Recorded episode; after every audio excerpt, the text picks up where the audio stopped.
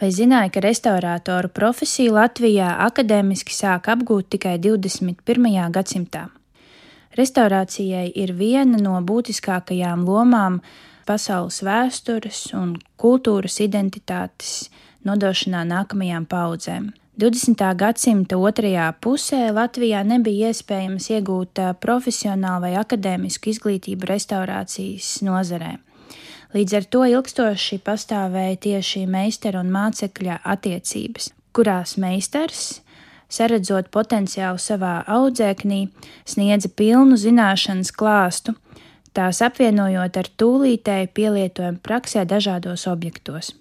Praktiski līdz 1970. gadiem par prioritāru un profesionāli tika uzskatīta tieši muzeju priekšmetu restaurācija.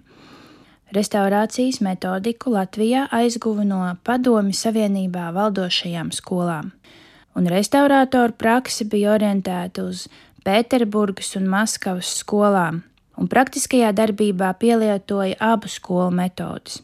Lai gan šīs abu skolu metodes, kas saucās analītiskā un sintētiskā metode, bija savstarpēji pretrunīgas, Monumentālās mākslas objektu restaurācijā tās nereti tika lietotas paralēli, ko mēs šobrīd varam redzēt vairākos objektos, piemēram, Rundāls pilī. 1960. gadi restaurācijas nozarē bija reorganizācijas, restaurācijas darbu, metodikas, izpētes un apzināšanas laiks. Viens no pirmajiem sarežģītajiem objektiem, ko mērķtiecīgi atjaunoja vairākās desmitgadēs, bija Mežotnes pilsēta. Objekta valdītājs, kas bija mežotnes izmēģinājuma un selekcijas stacija, 1958. gada 25. jūnija vēstule ministru padomes, arhitektūras un celtniecības komitejai lūdz izstrādāt pils atjaunošanas projektu, un tieši pusgada laikā tika piešķirti finanšu līdzekļu atjaunošanas darbu uzsākšanai. Tajā laikā no kara darbības cietušās un tehniski sliktā stāvoklī esošā pils pārtapa par selekcijas stacijas darbinieku daudzdzīvokļu ēku, izglītības iestādi un starptautisku agrolaboratoriju. 1959. gada 10. septembrī beidzot tika apstiprināts pils remonta restaurācijas uzdevums. Funkcija dalījums pa stāviem diezgan skaidri paredzēja administratīvo telpu, reprezentatīvo telpu un dzīvokļu izveidi. Mežotnes pils remonta, restaurācijas darbu uzsākšanas, izpētes un restaurācijas darbu principus piemēroja aizvien vairākiem kultūras pieminekļiem.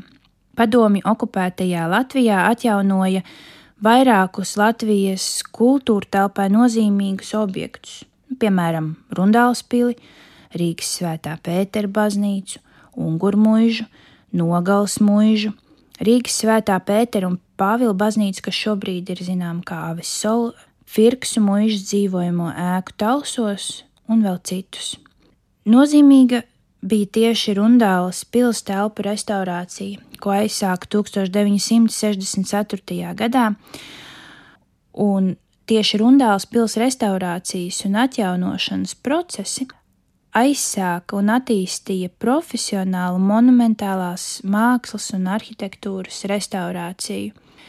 Starp mežotnes pili un rundāls pili ir arī ļoti svarīga saikne tieši praktiski, jo pa mazu šauru tiltu restauratori un meistari no viena objekta pārgāja uz otru, lai dienas laikā varētu darboties abos.